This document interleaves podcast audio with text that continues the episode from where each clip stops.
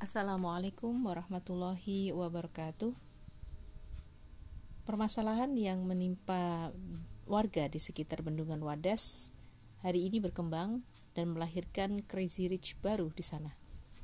Hal ini dikarenakan karena ada uang ganti rugi bagi warga yang pro dengan e, pergantian tanah atau ganti rugi terhadap tanah yang mereka sepakat untuk dijadikan sebagai tambang andesit di sana.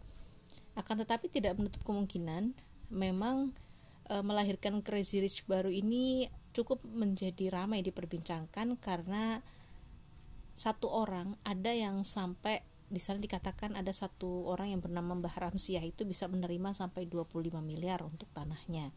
Kemudian juga ada yang 15 miliar dan hal ini kemudian mengundang reaksi dari Gubernur Jawa Tengah Ganjar Pranowo untuk akhirnya perlu adanya upaya pendampingan. Menurutnya demikian terhadap e, alokasi dari keuangan warga. Karena jelas dengan adanya pembebasan tanah otomatis sebagian warga akhirnya harus beralih profesi dan juga berpindah tempat serta akhirnya mengubah kehidupannya.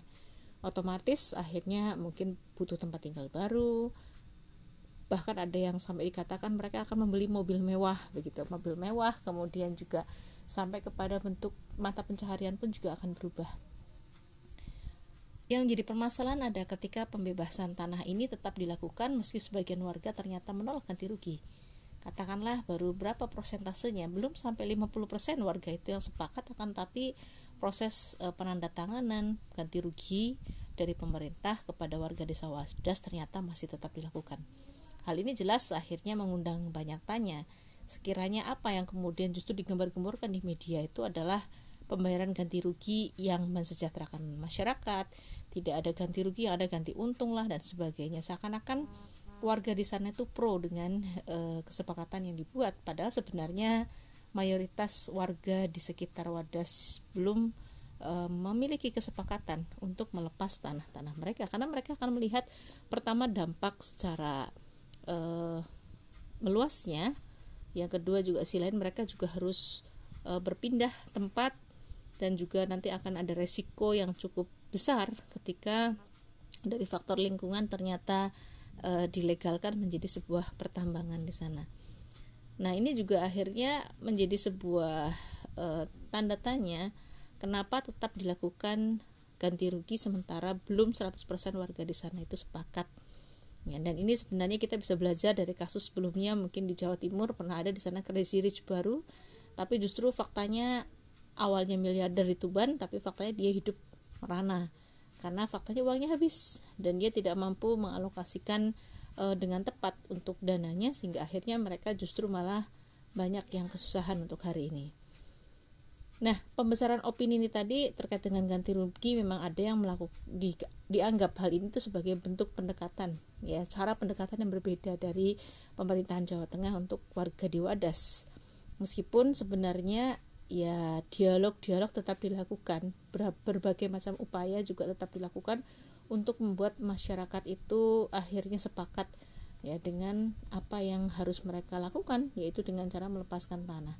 Akan tapi permasalahan ini bukanlah permasalahan yang simpel dan sederhana karena kita juga harus perhatikan kalau kita kembali kepada makna demokrasi katanya suaranya milik rakyat. Nah kalau mayoritas menolak kan seharusnya tidak diteruskan.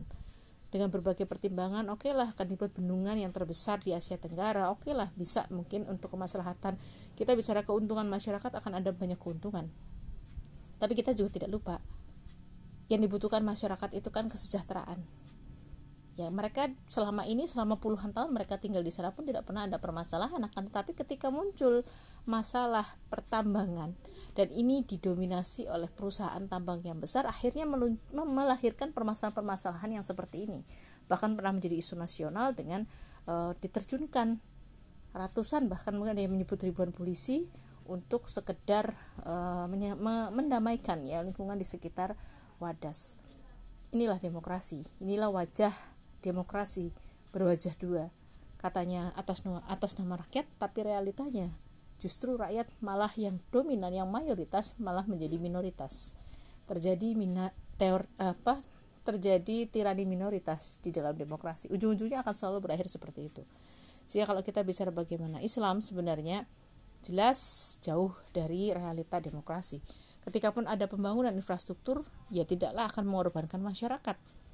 Ya oke lah ketika kita memilih tanah pun maka harus betul-betul segala sesuatunya tadi harus dasarkan pada kemaslahatan umat.